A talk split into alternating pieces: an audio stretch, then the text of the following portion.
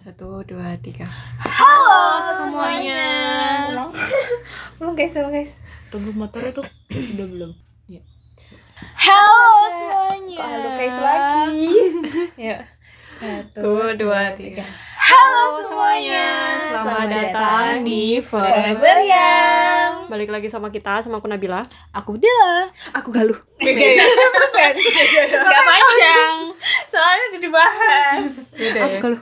Ini ini apa yang awal-awal tadi pembukaannya nggak usah diedit aja biar tahu udah berapa minggu masih struggle aja gitu. Iya, iya. Boleh, boleh, boleh. Masih terakhir aja tentang pembukaan. Opening tiap minggu dilakuin tapi masih lupa. Malu lupa ya, sekipan emang. Faktor umur ya, guys.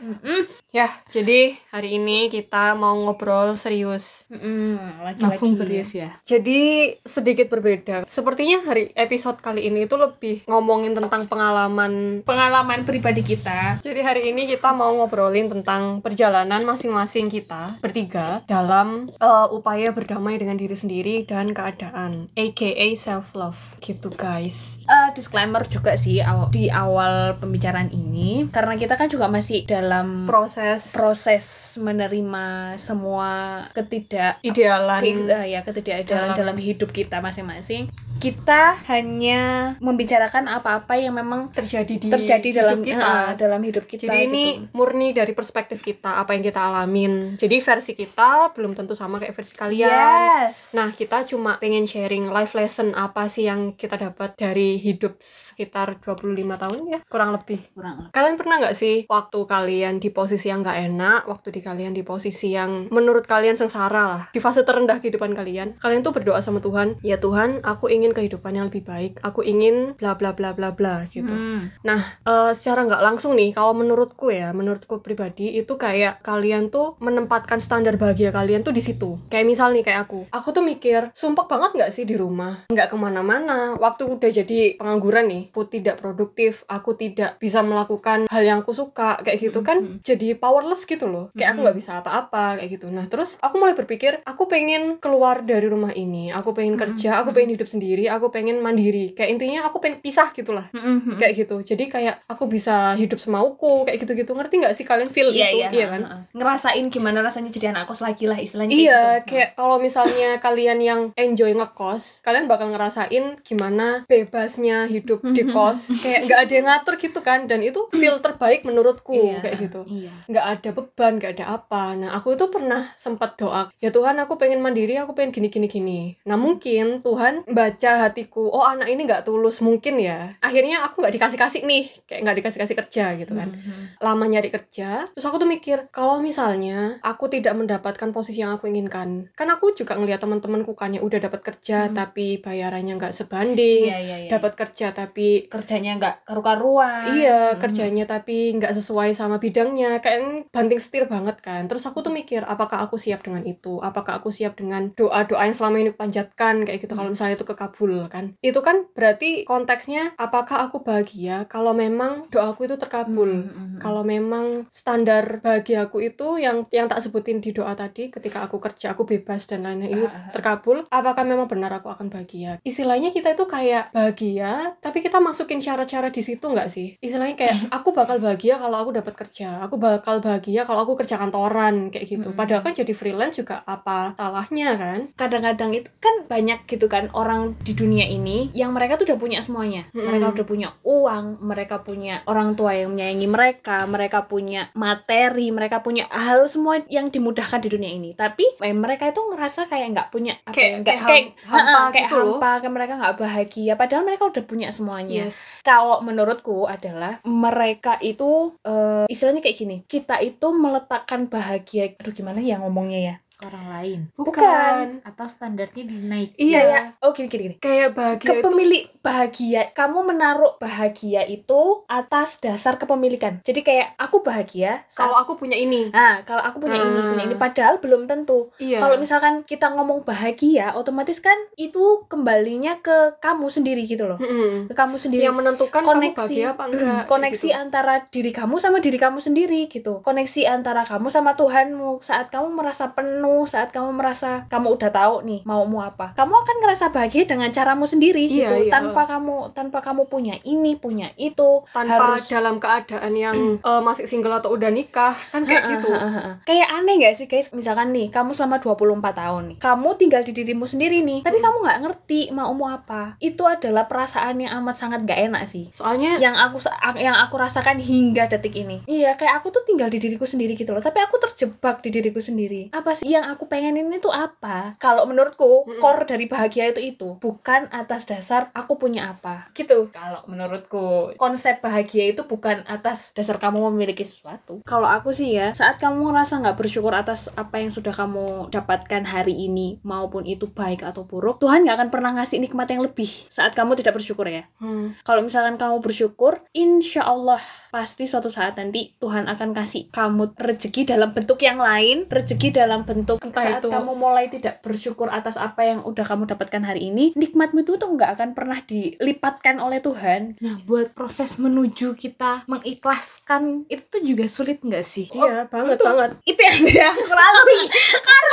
kalau misalnya nih kita udah nerima keadaan kan proses penerimaan itu yang paling lama kan nah tapi ketika kita udah nerima keadaan tuh yang tak rasain ya sedikit demi sedikit aku bisa bersyukur aku bisa berdamai dan aku bisa melihat keindahan dari hidupku yang biasa aja ini sebenarnya Yang Kayak walaupun kadang-kadang kita merasa masih belum ada deltanya, tapi kayak I'm grateful. gitu. Iya, heeh. kayak nerima keadaan itu juga nggak ada salahnya gitu loh. Malah kita harus menerima keadaan buat bikin hidup kita lebih baik. Ketika kita sudah menerima keadaan, kita udah tahu nih, oh hidupku kayak gini gini. Yang tak rasain tuh kayak ada unsur magicnya gitu loh. Jadi ketika aku udah menerima keadaan, aku dibukain jalan buat ngelakuin usaha apa pun itu. Yang tak rasain ya, kan kita bertiga ngumpul kayak gini kan udah dua tahunan ini nggak sih? Mm-mm. Selama satu tahun Hampir 2 tahun. Iya, anniversary, second Iya. anniversary. selama setahun belakangan ini kan aku udah mulai apa ya kayak udah mulai legowo gitu loh sama hidupku sendiri magicnya adalah aku merasa dibukain jalan buat menghasilkan sesuatu gitu loh sama kalian terlahirnya podcast ini tuh adalah salah satu jalan Aha. gitu dan Iya. Bukan- aku bukan bersyukur materinya banget ya, bukan, bukan materi ini tapi Lebih berkaryanya aja gitu. lebih ke experience-nya Aha. lebih ke perkembangannya kita Perkembangan secara skill dan mental nggak sih? iya sebenarnya? dan itu Jadi kita kumpul-kumpul gini itu juga secara tidak sadar akhirnya kita kayak oh dapat iya. insight baru nggak Ha-ha, sih? ha-ha, Iya. pem- pemikiran yang baru. Dan kita bisa lebih berkembang dengan membuat hal-hal kayak gini. Dan aku bersyukur karena siapa sih yang nggak pengen kerja sama orang-orang yang cocok sama mereka? Siapa sih yang nggak pengen kerja sama yang sesuai sama bidang mereka? Kayak gitu. Kan Iya. jarang orang yang dapat hal-hal kayak Privilege gitu. kayak gini, hmm. kerja yang nggak jadi zombie nggak mau. Istilahnya kita kan jadi freelancer kita nggak jadi zombie kan. Ah, kita nggak diburu sama deadline yang tidak berkemanusiaan. Lebih ke nilai-nilai yang tak dapat. Dan aku lebih happy dengan kayak gini guys. Kan dari tadi kan kita ngomongin tentang bahagia ya. Bahagia menurut kalian itu apa? Aku atau nggak gitu konsep bahagia deh. Konsep bahagia. Aku masih mikir guys. Kalau kalau menurut aku ya. Iya. rata-rata kok mesti kalau aku mau ngomong tuh mesti kalau menurut aku. Nah ya sama aja. aja. Soalnya jadi menurutku kalian itu disclaimer kalau itu tuh subjektif. subjektif lagi-lagi subjektif ya. Menurutku bahagia itu aku dapat insight ini itu dari aku nonton ah, ah, pokoknya ada adalah satu video gitu yang bintang tamunya si CEO-nya menjadi manusia. Dia bilang bahwa bahagia itu cuma konsep. Konsep bahwa di saat kamu bahagia berarti di saat yang bersamaan kamu juga harus siap untuk merasakan kecewa. Begitu juga dengan sebaliknya. Kalau di saat ini kamu merasakan kecewa berarti di saat ini juga kamu harus siap untuk merasakan bahagia. Karena bahagia dan kecewa itu adalah dua hal yang nggak bisa dipisahin. Nah kadang-kadang kan untuk bisa menjadi bahagia itu kan ada hubungan eratnya sama bersyukur. Gimana kita menerima posisi kita hari ini. Nah kalau misalkan kita ngomongin bersyukur lagi kita akan bicara tentang self compassion di mana kita itu memperlakukan diri kita dalam keadaan yang seenggak nyaman mungkin. Jadi kan kadang-kadang kita kalau misalkan kita gagal nih kadang-kadang ada perasaan kayak menyalahkan diri sendiri. Kayak kok aku kayak gini ya? Kan harusnya nggak kayak gini. Harusnya kan aku bisa. Kayak kita tuh nge-push diri kita. Kayak kita itu ngerasa kayak diri kita itu melakukan kebodohan yang seharusnya nggak kita lakukan di saat itu. Padahal untuk bisa menjadi bersyukur kita harus bisa tahu dulu nih. Kita harus tahu apa yang udah kita lakukan yang akhirnya membuat semua rencana kita gagal itu ya karena kita sudah melakukan yang terbaik cuman karena memang semesta dan Tuhan masih belum merestuinya aja akhirnya itu nggak terjadi. Yang perlu kita lakukan adalah ya kita coba merenungi apa yang sudah kita lakukan kita coba mengkoreksi apa yang bisa kita lakukan dan selebihnya jangan pernah menjudge diri kalian bahwa ka- diri kalian itu nggak mampu bahwa diri kalian itu nggak worth it untuk bisa ada di goals yang kalian pengenin. Perjalanan untuk bisa bersyukur itu ya intinya self compassion dari diri kamu sendiri. Iya, perjalanan menerima diri. Mm-mm, apa pun Iya. yang dalam keadaan apa pun Sebenarnya tuh emang kayak gitu gak sih? Maksudnya Mm-mm. konsep bahagia, bahagia. Kalau misalnya kita waktu kecil gitu ngelihat kayak princess princess terus bahagia, mereka nikah, terus habis itu yang jahat mati, kayak gitu-gitu kan? Mm-mm. Itu kayak kalau misalnya dihubungkan sama dunia nyata kan nggak relate banget kan Mm-mm. hal kayak gitu. Dan kehi- namanya kehidupan tuh pasti kayak ada jatuh bangun, ada suka, ada sedih, ada kecewa. Itu udah sepaket. Iya kan? kayak udah, Mm-mm. ya Karena udah. memang emang kehidupan tuh nggak ada ideal Mm-mm. pada dasarnya. Jadi kayak ya konsep bahagia itu emang complicated sih. Lebih ke gimana kamu bisa ngadepin apa yang terjadi di hidupmu. Kenapa jadi ini banget ya? Sih? Iya banget ya.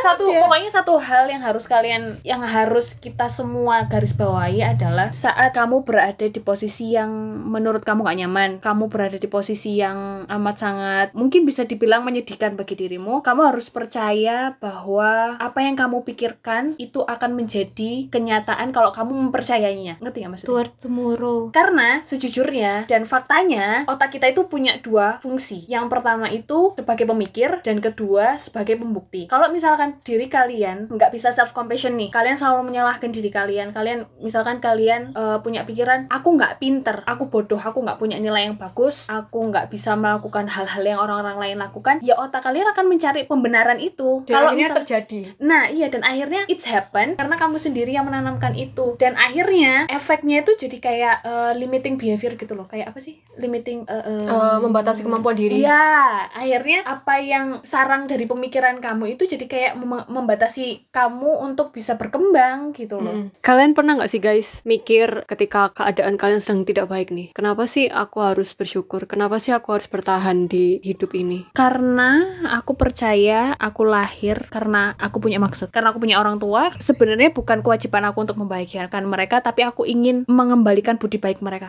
Kalau Adela? Aku pernah di posisi itu kayak mempertanyakan fungsi itu. Tapi jawabannya ya pasti balik ke keluarga. Ah, aku pernah guys. Sampai ngerasa aku tuh kayak zombie, kayak ya apa ya? Eh, Kamu hidup tapi nggak ngerti maksud hidup. Iya, heeh. jadi aku tahu aku punya keluarga, cuman saat itu meaningnya keluarga nggak sebegitu impact di aku. Jadi kayak aku ninggalin keluargaku sekarang pun aku nggak apa-apa. Aku ada di posisi itu, pernah ada di posisi itu. Awalnya tuh jawabanku kayak kamu, kayak karena aku dilahirkan karena ada maksud, karena aku punya kewajiban dan lain-lain lain. Tapi ngerasa aku tidak senang dengan kewajiban itu. Kenapa aku harus berkewajiban hal-hal yang kayak gitu, kayak gitu kan? Bahkan aku lahir nggak minta gitu maksudmu. Iya. Aku juga pernah mempertanyakan hal-hal yang kayak gitu. Aku aku pernah se ekstrim itu. Jujur enggak sih. Alhamdulillah. Eh, tahun itu rasa bersyukur atau enggak ya kalau aku bilang alhamdulillah Ah, bentar, bentar, bentar. Minggu depan, minggu depan kita bahas trauma kan? It's hard. Minggu depan bahas trauma kan? aku belum bikin draftnya tapi kita coba ya Aku bisa spill gitu. Ini mention traumanya apa, terus itunya apa. Aku sih bahas efeknya. ekstrim banget gak? Ekstrim. Soalnya punya aku juga rada Ekstrim, ekstrim. ekstrim. Sampai ngelukain diriku sendiri. Aku nggak sampai tapi aku bawa ke mana-mana. tapi nggak sampai nyukain. Saya kayak, tuh dosa kamu tuh bodoh banget kalau sampai kayak gitu. aku punya trauma sih tapi aku tuh tipenya kalau misalkan punya trauma aku pendem Aku pendem, tapi aku nggak bisa. Nggak maksudnya bisa, aku ya. masih belum ke tahap seperti kalian Oh, ojo ojo. Tapi aku sudah melewati itu, alhamdulillah. Aku Ya, orang melewati, tapi aku berbeda. udah nggak mau, udah nggak berani bawa benda-benda kayak gitu lagi. Oh.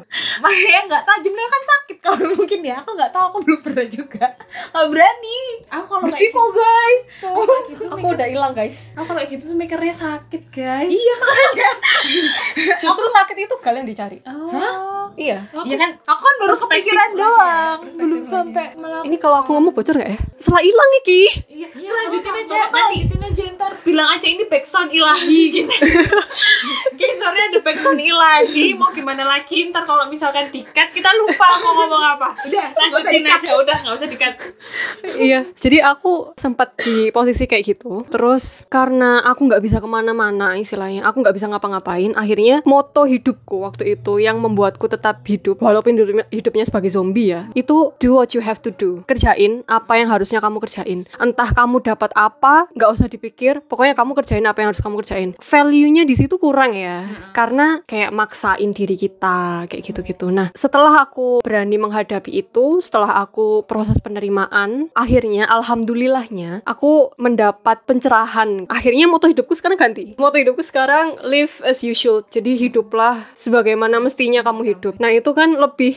lebih adem gak sih rasanya karena Lebih manusiawi. nah Iya. memanusiakan kita sebagai manusia Iya, jadi akhirnya kayak aku nggak maksa untuk melakukan hal-hal yang di luar batas kemampuanku. Aku lebih nerima diriku, aku lebih bersyukur sama apa yang aku punya, aku lebih bersyukur sama proses yang aku jalanin dan itu menurutku berharga banget dibanding apa yang ku perjuangin sebelum-sebelumnya. Dibandingin sama rasa sakit yang tak tahan sebelum-sebelumnya itu itu relieving banget di aku. tapi kalian sudah merasa cukup atas diri kalian sendiri nggak untuk saat ini belum. Aku aku berharap aku sudah cukup. Karena ya apa ya? Nggak ngerti aku happy aja sekarang. Kayak ketika aku nggak bisa jelasin ini ya. Iya iya. Karena- it's magical. Iya itu magic banget gitu loh. Jadi ketika aku sudah berani menghadapi itu Aku menerima semuanya dan kayak jentikan jari Wow aku bahagia. Waktu itu berpengaruh juga. Iya. Waktu itu healing. Iya. the, the best way to healing adalah ya waktu waktu yang bakalan menghealing semuanya. Kamu membiarkan waktu yang panjang itu Untuk menyembuhkan kamu Walaupun itu lama ya prosesnya. Dan setiap orang pun prosesnya berbeda. Tapi percayalah semua itu ada masanya.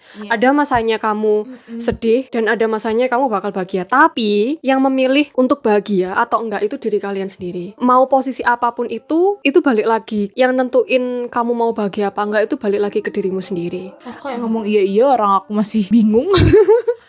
Iya, jadi awalnya tuh aku kayak bener-bener clueless gitu loh. Aku tuh bener-bener nggak tahu apa yang harus tak rasain. Sampai akhirnya proses pencarian ke sana kemari, berkecambuk rasanya berkecambuk banget. Tapi akhir- nyaman iya parah nggak nyamannya kayak aku nggak betah lagi. gitu Heeh, kan. kayak apa sih arti hidup aku itu gitu kayak aku nggak ngerti aku harus kayak ngapain lagi gitu Ini sih juga yang penting. Ketika kalian udah nggak bisa ngapa-ngapain kayak aku tadi, kayak nggak ngerti, bingung mau ngapain. walaupun eh mulai aja dulu baik Tokopedia yang tak lakuin itu keep moving forward gitu loh. Jadi aku nggak ngerti ke mana, yang penting aku jalan. intinya adalah menerima sih menerima itu bukan berarti kita menyukai ya Hmm. bukan berarti kita menyukai prosesnya karena kita tahu prosesnya itu Amat menyiksa proses. sih, namanya sama proses menyiksa. pasti melelahkan. yang harus di highlight adalah kita menerima realitanya. Kita menerima realita bahwa kita sedang nggak berdaya menerima realita bahwa kita sedang mencari dan menuju ke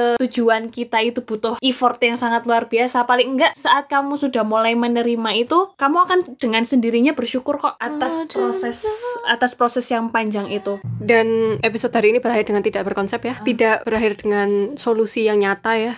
Karena kita juga sedang mencari solusi untuk diri kita. ya, karena pada dasarnya setiap orang punya solusinya masing-masing. Cuman satu hal yang perlu kalian tahu, Wos. keep moving forward. Iya, Towards betul. tomorrow. lakuin aja apa yang Tomorrow bisa is kamu better lakukan than Iya. today. Lakuin aja apa yang bisa kalian lakuin, apa yang bisa kira-kira bermakna untuk kalian, lebih-lebih lagi buat orang sekitar kalian. Cukup sekian untuk hari ini. Bye. bye